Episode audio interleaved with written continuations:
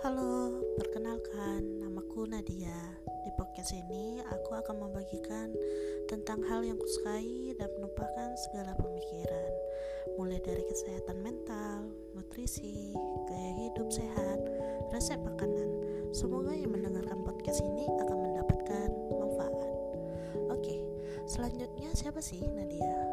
Nadia adalah seorang manusia biasa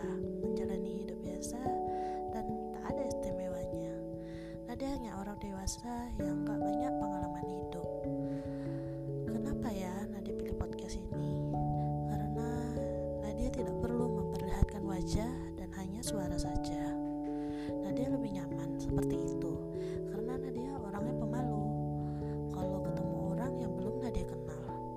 Dan juga podcast ini bisa melatih Nadia dalam berkomunikasi dengan orang dan membantu public speaking Nadia yang masih belum bagus.